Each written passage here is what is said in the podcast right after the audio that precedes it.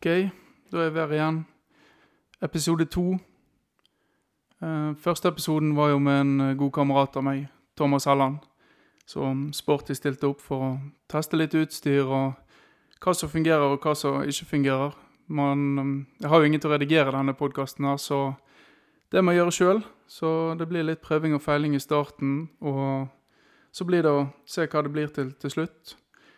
Denne gangen så blir det å snakke med en person som jeg er veldig, veldig glad i. Um, litt mer merittert enn Thomas, kan man si. Men før vi introduserer gjesten, så kan jeg fortelle litt om dette prosjektet. Det er jo et hobbyprosjekt der um, jeg kan få snakke om det jeg liker best av alt fotball.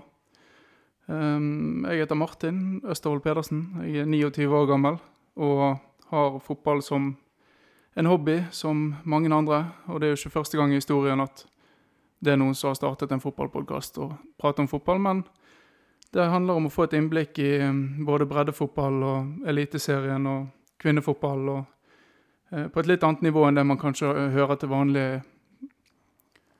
Um, dagens gjest det er en 22 år gammel høyrekant som til daglig spiller for Strømsgodset. Det man kanskje ikke vet, er at han har en Staffordshire Bull Terrier ved navn Isco, og han har ca. 3900 følgere på Instagram. Ifølge transfermarkt.com så har han en verdi på 600 000 euro, ca. 6 millioner kroner. Um, og den um, verdsettingen er den høyeste han har hatt noensinne. Denne sesongen har han spilt 27 kamper for uh, Godset. Han leverte fire assist, og han startet 83% av kampene. Tidligere har han spilt for Brann, Sotra, Sogndal og nå Strømsgodset. På U-landslagsnivå så har han 20 kamper for Norge U16, han har 8 kamper for U17, 8 kamper for U18, han har 6 kamper for U19, og han har 3 kamper for U21. Hvis man ser på Fifa-kortet hans for 2023, så har han overall rating på 64, med potensial til å bli 75. Litt høyere verdi der, han er på 13 millioner kroner og han har fire stjerner skill move. Hans beste attribusjon er pace på 79, og en av de dårligste heading accuracy på 49. Men sist, men ikke minst, du er min fetter. Velkommen, Aldor. Tusen takk, Martin. Det var en varmende intro, så den setter jeg pris på. Ja, det blir jo litt sånn at um, jeg måtte gjøre litt research på deg og se hva er det man finner ut på det store internett. Men den transfermarten tror jeg skal ta med meg videre når man har litt eliteserieprofiler. For det er litt interessant. Se sin egen verdi og den biten der. Ja, det er interessant. Og så lurer jeg på hva, hva du ville verdsatt meg til. Nei, Jeg tror jeg ville startet på en 73, da. 73, sant? jeg syns den er fair, med potensial på 81. Ja. Ja, nei, jeg, jeg er enig der. Fifa-kortet er litt kjekt, for da har ikke jeg vært inne og sett på engang. Så og, men jeg syns de traff bra på at uh, den dårligste var, var heading, i hvert fall. Så. Du kjenner på den? jeg kjenner på den med at jeg ikke krummer nakken litt vel masse, kanskje, når jeg går opp der. Men du er jo ofte den som kommer til innlegget og slår det inn i boksen, men har du vært i situasjoner der du skjærer gjennom, kommer inn fra bakkastet, og så tenker du Steike, nå får jeg han på bakkastet på hodet. Jeg hadde en mot Sarpsborg, eh, borte. Tapte vel eh, på var 5-1 eller 4-1. Så uh, da var det akkurat sånn, da ble jeg flyttet over på venstre kant, og så tenkte jeg altså Det her målene kommer fra. Og så um, kommer Wilsvik med den gullfoten sin, da. Legger et innlegg. Han treffer meg på femmeteren. Og jeg får hodet på ballen før han der Bjørn Inge Utvik. Og da tenkte jeg liksom Nei, da er det gjort. Når det har slått han i lufta der, så, så, skal det være mål. Men uh, den landa den, den, den rakk rett og slett å sprette én gang før uh, keeperen bare sto og tok han i, i, i uh, grep der. Det var fra ja, fem meter, 100% sjanse. Så jeg tenkte jeg at ja. Ikke heading min sterkeste side, altså. Og sikkert den situasjonen der Fifa var så, tenkte jeg 49. Det er greit. Det var ikke lenge etter, etter Fifa kom ut, så Eller det var rett før Fifa kom ut, der, så det var godt mulig, det. Men er det sånn at man i garderoben eh, liksom snakker ah, 'Hva fikk du på Fifa-kortet i år?'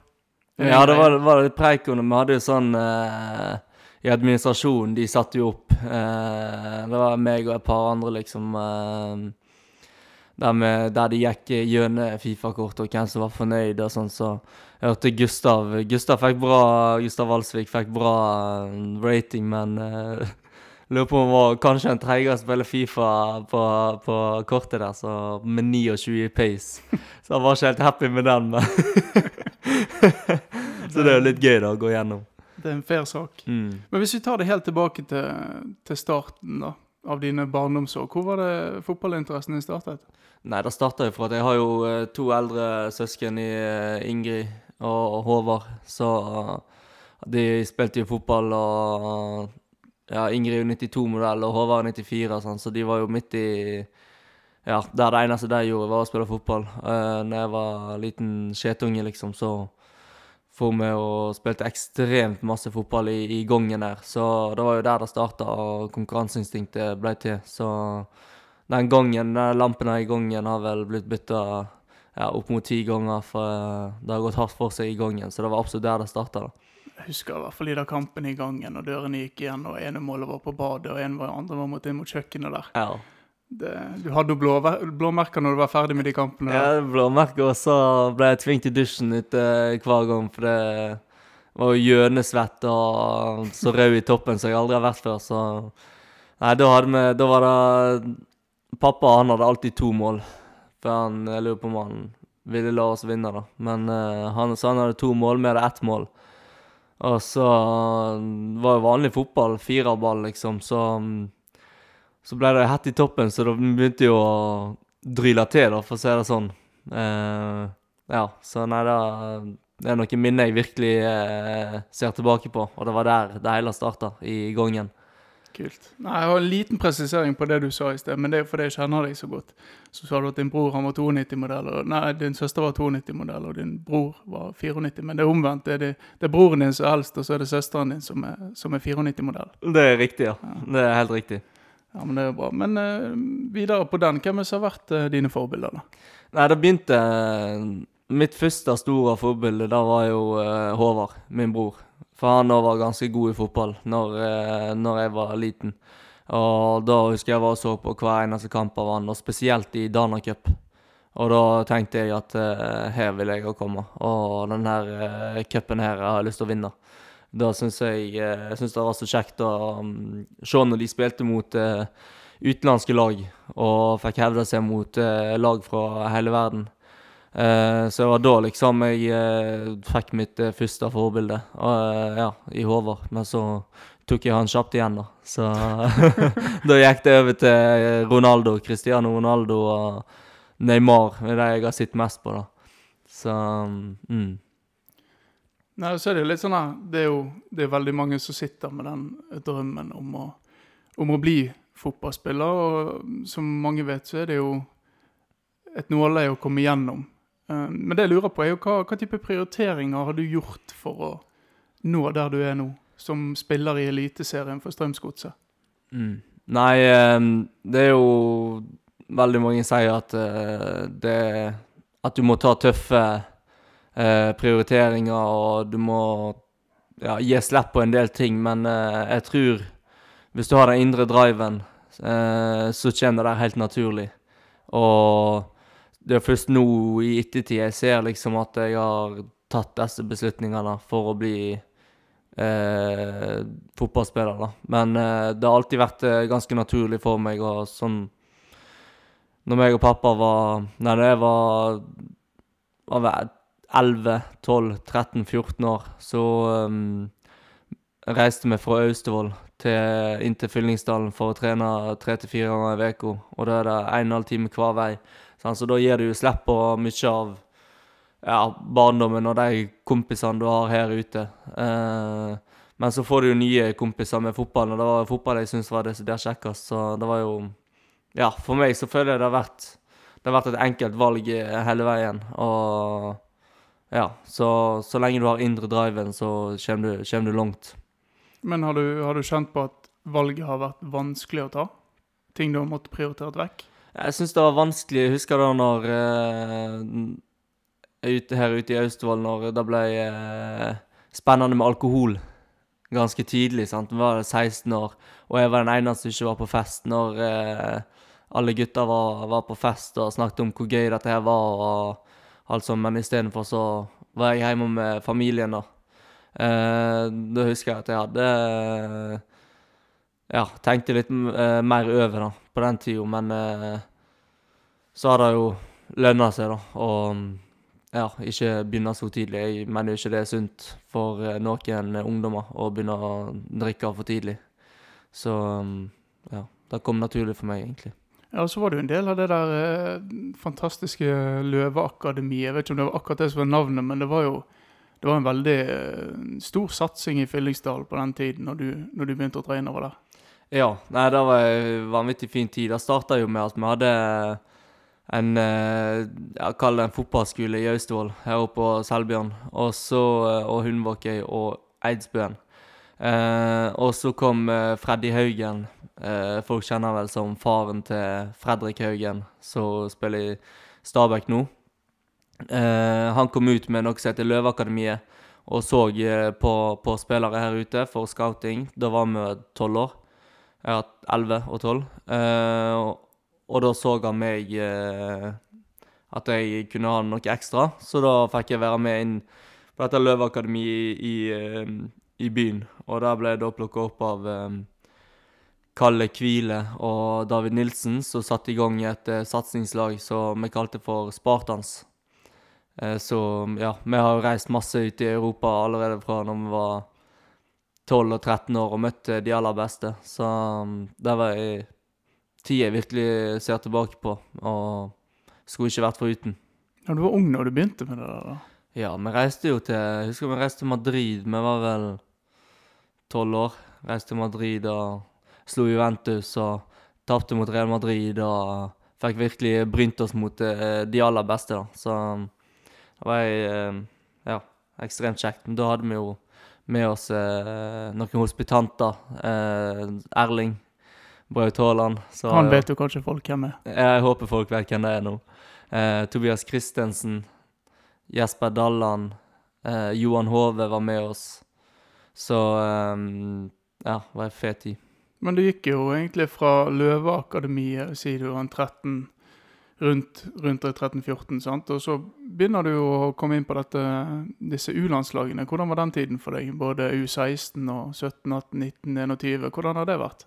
vanvittig stort. Det er jo fett å spille med flagget på brystet, og det er jo noe du alltid har drømt om. Og når du står i det, så er det en stor ære i det, uansett hvor gammel du er. Så har jeg merka at det blir jo større og større jo eldre jeg blir, sant. Og disse U21-kampene har virkelig eh, betydd eh, masse for meg, så det er jo et mål jeg har om å være med i EM-troppen til, til sommeren. Ja, Det er jo en fin uh, målsetting å sette seg. Men det er jo sånn at disse her kampene så er det jo vanvittig med scouting og agenter og, folk som er ute etter å se potensialet. Så det er jo en fin plattform for for å kunne vise seg fram, eller? Ja, absolutt. Det er jo en uh, veldig fin plattform. Både da og Eliteserien er jo Norsk fotball òg blir jo mer og mer i vinden etter Martin Ødegaard og Erling og Ayer og Sander Berge. Sånn, så de har jo Jeg føler Europa har fått uh, virkelig øynene opp for eh, norsk fotball. da. Så både den hjemlige ligaen og disse landskampene er jo vanvittig store Ja, gode muligheter for å vise seg fram. Det virker jo som det er flere og flere som tar, tar steget ut. i hvert fall. Du ser han Ola Brynildsen nå på vei til PSV.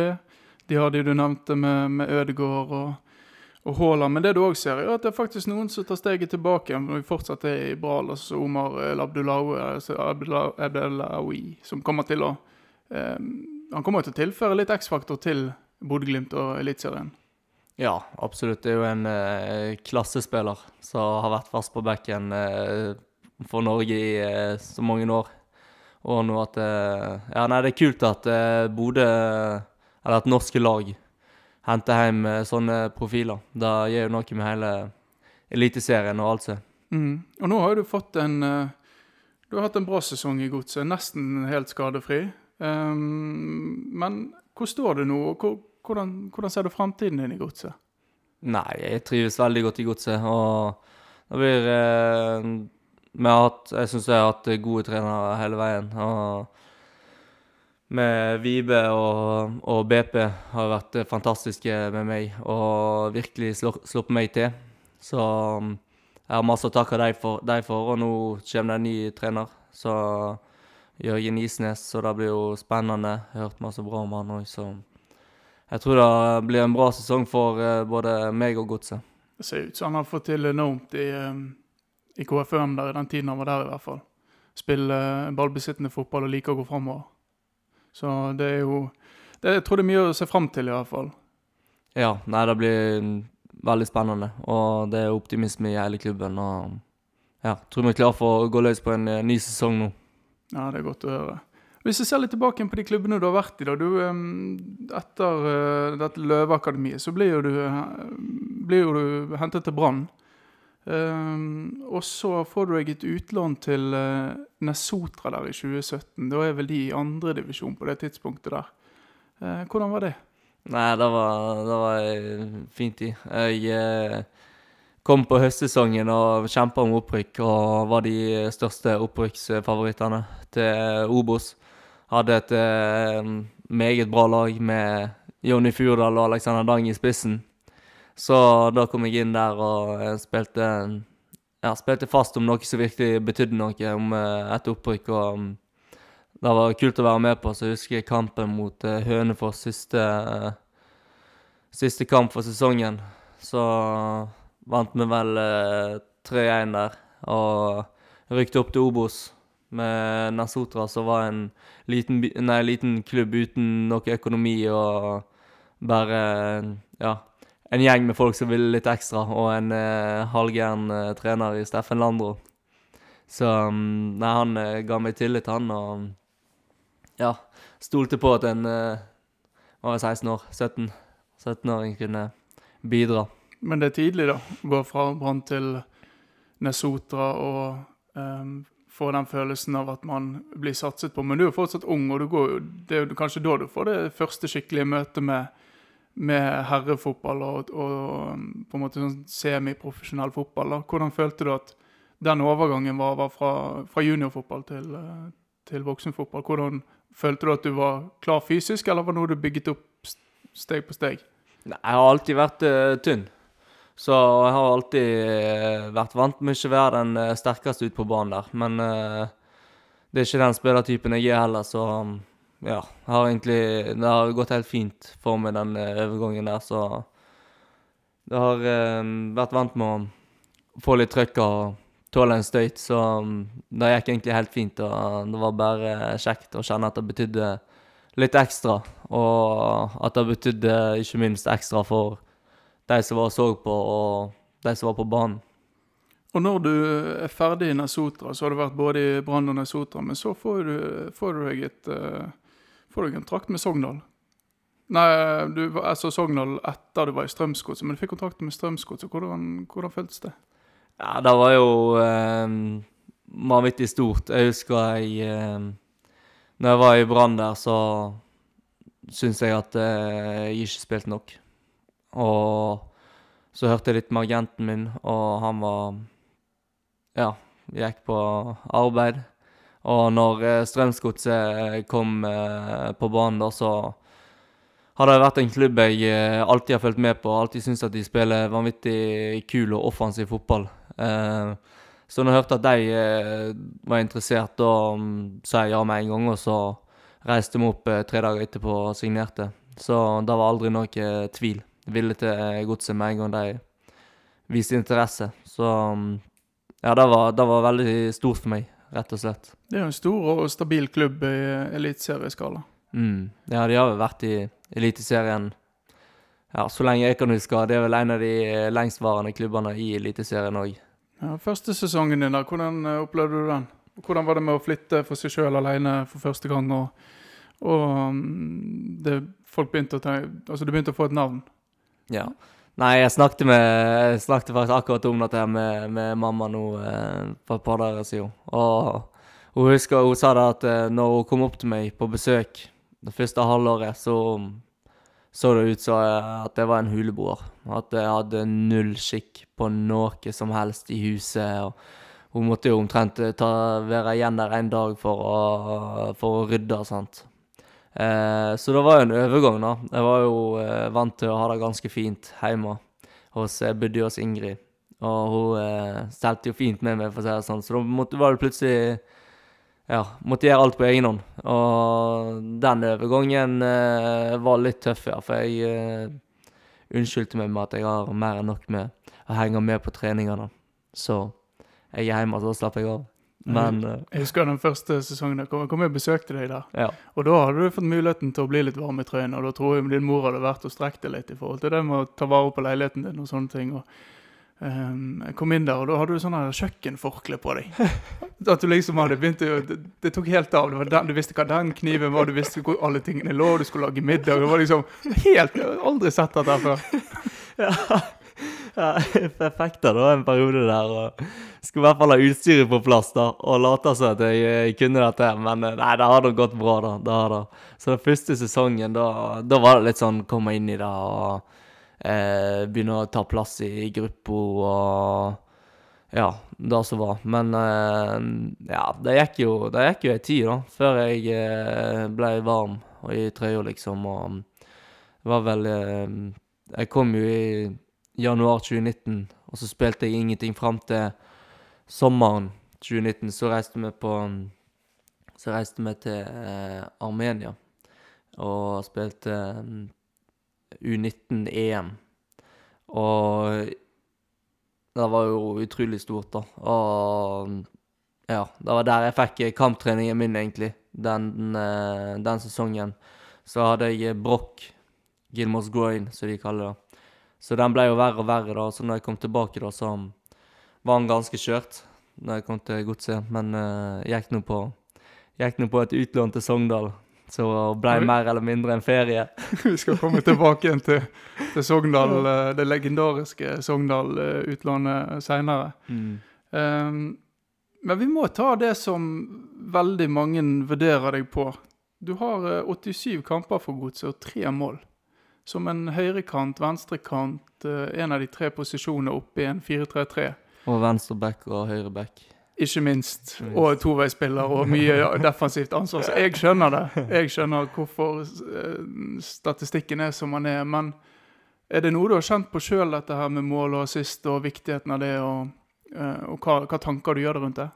Ja, absolutt. Det er jo Det er jo målpoeng, som mange sier, at målpoeng betyr alt. Og det er noe jeg eh, har kjent på sjøl òg, ja. Spesielt i denne sesongen her. Eh, at eh, ja, har brent et par eh, sjanser og um, bør komme til flere sjanser. Så det er noe jeg eh, har virkelig fokus på inn mot neste sesong. Det å få satt flere mål, og um, da blir det ja, mye større aktivitet, og det er der jeg liksom har mest, mest å gå på. Føler banespillet har vært bra i år, men eh, jeg har vært eh, rett og slett for lite skarp i, eh, i motstanderens 16-meter. Og ja, det jobber med omtrent hver dag, så det er noe jeg virkelig har fokus på og skal gjøre noe med. Jeg husker at jeg, jeg ble jo så utrolig giret, sant? for jeg hadde så lyst til å jeg hadde så lyst til å få deg på, um, på målet sist. så jeg husker jeg satt um, siste år av studiet mitt og hadde litt ekstra tid, så, så kjøpte jeg meg abonnement da, for å følge med alle kamper, og så tok jeg utdrag da, uh, av eh, spillsituasjoner og diverse Altså, jeg er jo sylnerd, jeg er jo det, men det var, Ja, det ja. var fordi jeg syntes det var gøy. Ja. Um, og så sendte de til deg. Hadde, hadde det noe utbytte, det? Ja, det er utbytte. Altså, jeg eh, setter jo pris på sånt og liker å se meg om igjen. Sant? Så eh, Men du var litt lite kritisk, syns jeg. For lite kritisk? Ja, for lite kritisk. Det var, det var masse bra der. Ja. Så Men uh, Kanskje vi skal ta opp igjen nå eh, sesongen som kommer, og så skal du få litt mer kritisk blikk på involveringen din. Ja, for du har lov, du, å, du har lov, du, å trykke meg litt, altså. Så, men jeg veit det godt sjøl òg, så Ja, men det Altså, jeg tror jo at mål og assist ligger mye i dette med, med, med styrker og svakheter på banen å gjøre. sant? Fordi at du er jo blitt en slags toveispiller der du jobber mye frem og tilbake? Du kan, du kan spille Du er ganske fleksibel. Du kan spille høyreback, du kan spille venstreback, og du kan spille på kanten. Og jeg tror også du kunne spilt en indreløperrolle. Eh, men hva er dine styrker og svakheter, egentlig? Ja, du sa det litt der, altså at jeg har eh, Min styrke, fremste styrke, er vel eh, intensiteten og høydistanseløp og ja, at jeg har eh, bra intensitet gjennom 90 minutter og kan spille begge veier. Eh, og så er det det å kunne dra seg forbi og ha kombinasjonsspill. Så jeg har jo spilt eh, masse i lag med Johan Hove og Lars Wilsvik på høyresida der, og det er jo helt magisk. For det, alle tre tenker ganske likt i måten å spille fotball på, så da går det ofte på ett og to touch, og ja, da er det jækla gøy å, å spille og føle at vi kan brodere oss gjennom hver venstre side i Eliteserien. Noe som vi har gjort i, i to år nå. Så handler det om å få det ikke bare at, ikke at det kun er Johan som skårer målene. Så, uh, Han har jo fått seg en del. Ja, han har jo vært uh, vanvittig skarp nå i ja, så lenge jeg har vært i godset. Men der kan man jo òg se at det finnes muligheter. Altså, det har jo vært stor interesse rundt Johan. og sant? Legger man på ti mål i en sesong som indreløper eller som høyrekant, så er mulighetene enorme. Absolutt. Så det er det det blir målt på. Så ja. Hva um, Altså, hvor, hvor, har du lyst til å ende opp? Altså, Nå tenker vi langt fram i tid, det er ikke sånne eh, korttidsmål. Men liksom drømmeligaen, hva, hva, hadde det vært for deg? Jeg syns jo Spania og Italia. Kanskje Italia er den aller eh, kuleste ligaen for meg. Med supporterkulturen og litt av det eh, skitne spillet som er der på banen. og profilene og ja, litt annen type fotball og ganske intensiv, men eh, ja, betyr utrolig masse for uh, italienerne. Og ja, så er det en god liga, og, så det, det, er en uh, drøm jeg har. Ja, Det er jo litt stilig, for veldig mange sier Premier League med en gang. At det er liksom Ja, der, der kunne jeg tenkt meg å spille. Det er, det er der alle har holdt med lagene. Men det er jo litt interessant å høre at det fins faktisk spillere der ute som kunne tenkt seg å spille andre steder òg. Mm. Ja, nei, eh, Italia har vært en uh, drøm for meg. Uh, helt siden jeg begynte å drømme, liksom. Så mm. jeg har fulgt masse med på italiensk fotball. og ja, Syns måten de spiller fotball på er, på er kult. Og så er jo landet òg ganske magisk, syns jeg, da. Men du har jo hatt noen nedturer. Eh, jeg lurer litt på hvordan, hvordan du, du, har taklet det. Men vi kan jo begynne med dette utlandet til Sogndal. Hvordan, eh, jeg, altså, når jeg gikk gjennom historikken din og hvilke klubber du har vært i, så Oi, han har faktisk vært i Sogndal. Hva skjedde der, egentlig? Ja, jeg tror ikke det er så mange som vet at jeg har vært i, vært i Sogndal. Uh, det var jo Det var etter dette her, uh, mesterskapet i 2019. Så ble jeg uh, sendt på utlån til Sogndal. Så jeg tenkte det kom til å bli en uh, braksuksess. Og var ganske gira på det sjøl òg. Og ja, hadde tillit der fra start. Og så hadde vi vel ei halv treningsuke og kjente at denne Gilmos groin ble verre og verre. Men sa ingenting. Og så skulle hun spille mot uh, Ålesund toppkamp. Og så um, ja, ble det med de 15 minuttene før jeg uh, Før Lysken sa rett og slett stopp, så det ble jo uh, økonomisk fordel for meg og fikk leid ut leiligheten i, i Drammen der. Bodde gratis i Sogndal, men fikk være i Bergen i seks måneder. Så jeg bodde liksom hjemme og fikk leid ut og hadde ferie i ja, sju måneder med opptrening og operasjoner. Så det ble jo en, et komfortabelt utlån, kan du si, men veldig lite eh, fotball. Ja, Du skulle jo selvfølgelig ønsket at du fikk mer ut av oppholdet i Sogndal sportslig. Det er ingen tvil om det, ja. Men eh, kroppen sa stopp, eh, og syns litt eh, Litt eh, dårlig samvittighet for, eh, for, at de måtte hente en eh, skada spiller. Men uh, sånn er fotballen, og skade er en del av uh, gamet. Så Men da ble det åtte måneder på sidelinja. Vi var nede i Tyskland og opererte begge, uh, begge lyskene. Ja, du fortalte om det, men det kom en annen profil ut ørene der før du gikk inn på operasjonsbordet? Ja, da husker jeg meg og mamma var nede i Det var vel i Berlin, på um, flyplassen der. De hadde de hadde liksom Ja, operasjons... Eh, der vi ble operert, da var på flyplassen, så det var ganske sånn uh, snedig, da. Rett inn og rett ut? Rett inn, rett ut, ja.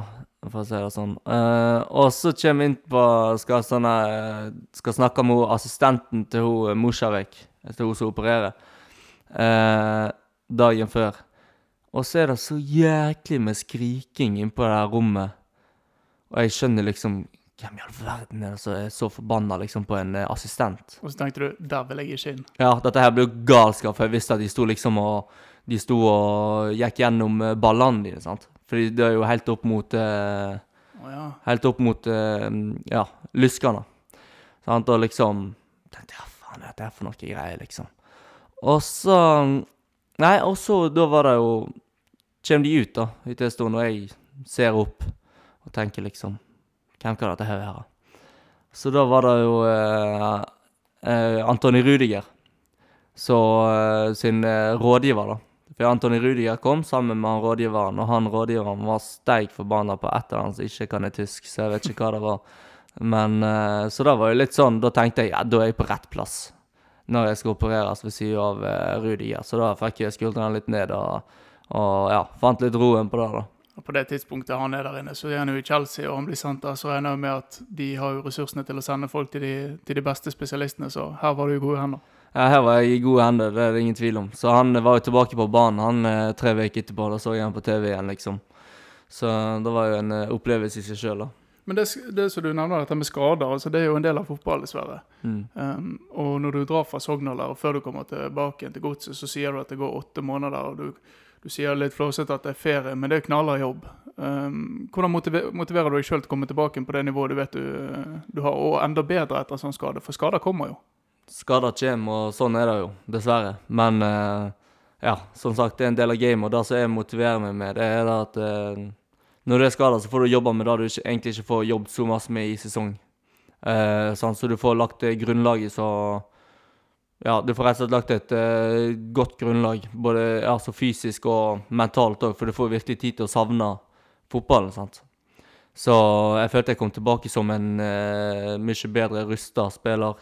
Både uh, fysisk og i hodet. Ikke minst i, i hodet, fordi du ja, du tar litt mindre høytidelig på det, liksom, og har det mer gøy med fotballen og setter pris på det at du, du får faktisk lov å gjøre det du er mest glad i. For det så jeg jo på deg eh, altså, i den skadeperioden, den fysikken du klarte å, å opparbeide deg. sant? Mm. Men eh, det er jo noe som er ganske under kommunisert med dine underliggende stats i forhold til dette med å skåre mål, assist og bla. Men du har jo, du har jo flest eh, toppspurter i løpet av en kamp, f.eks., og du legger jo ned noe vanvittig med kilometer. Så, og det, det er jo ting som ikke kommer gratis.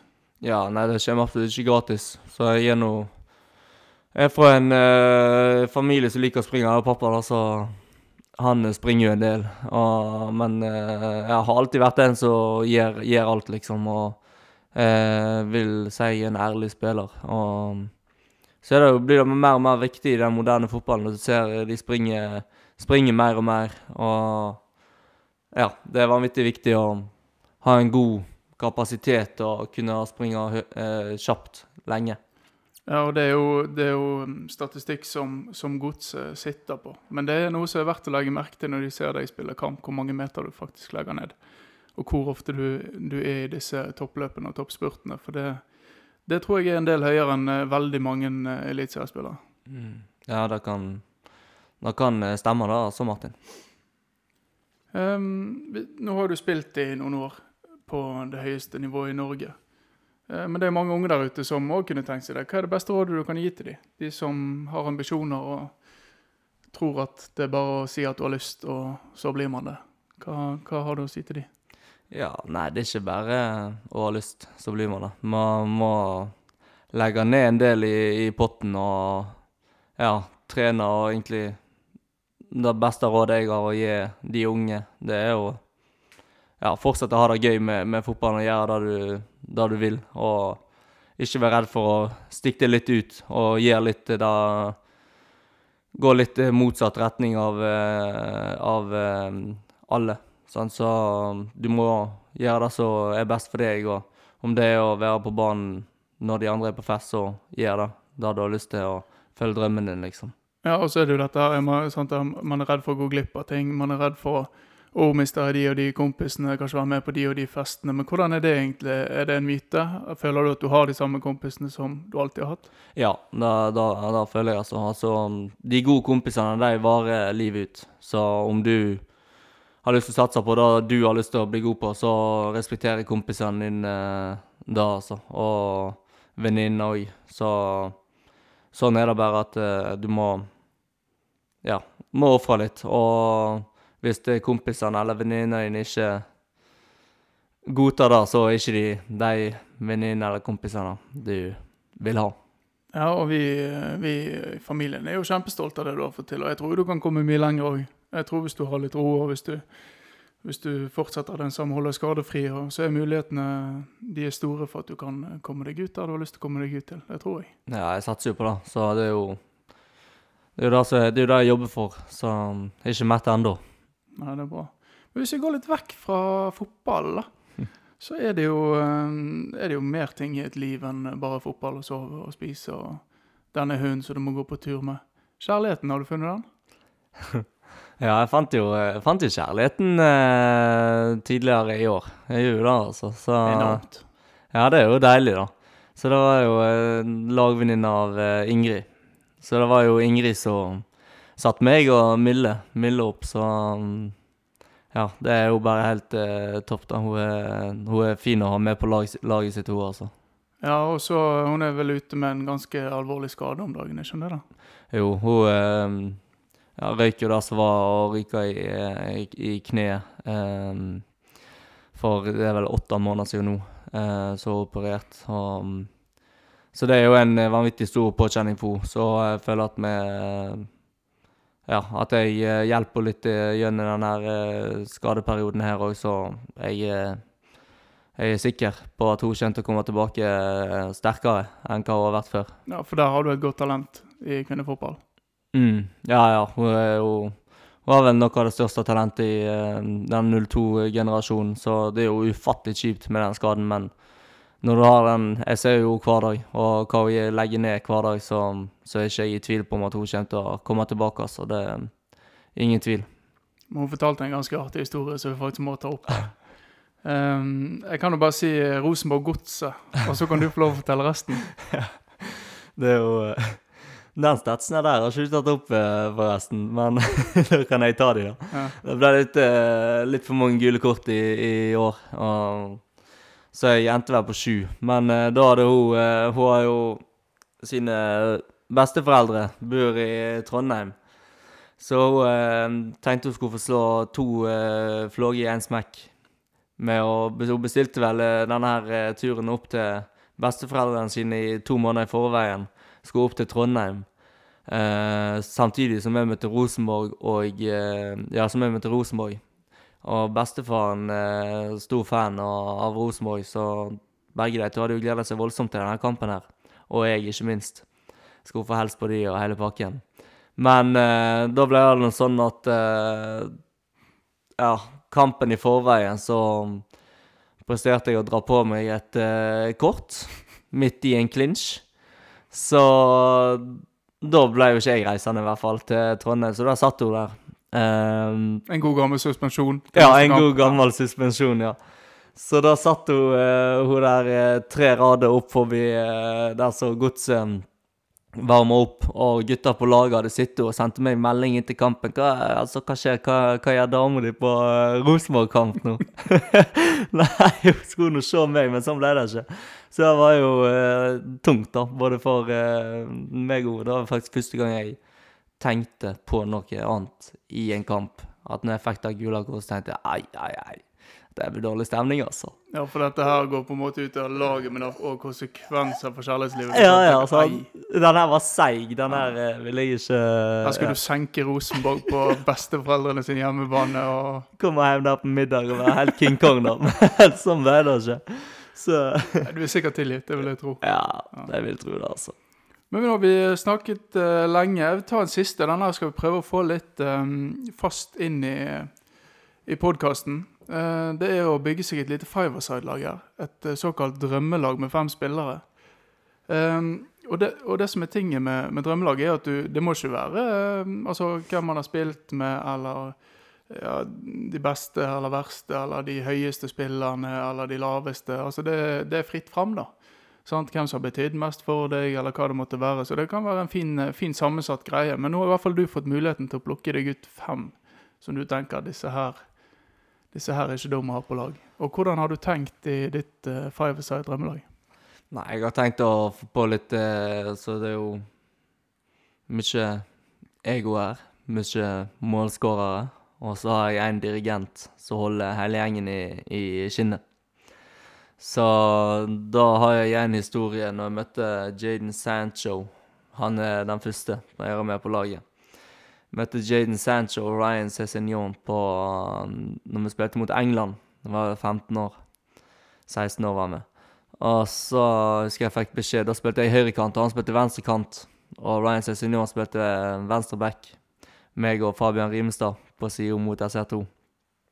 Og de, ja, de var bra, for å si det sånn og de var dribla.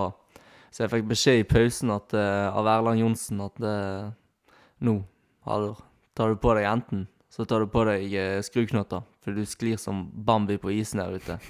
Enten tar du på deg skruknotter, eller så bytter jeg det rett ut. Så da ble det skruknotter. Store skruknotter resten av, resten av kampen. Og da, da, fikk jeg en Da kjente jeg at han her er Han kjente å bli god, altså. Et par år seinere så herjer han i Dortmund. Så Jaden Sancho blir min første.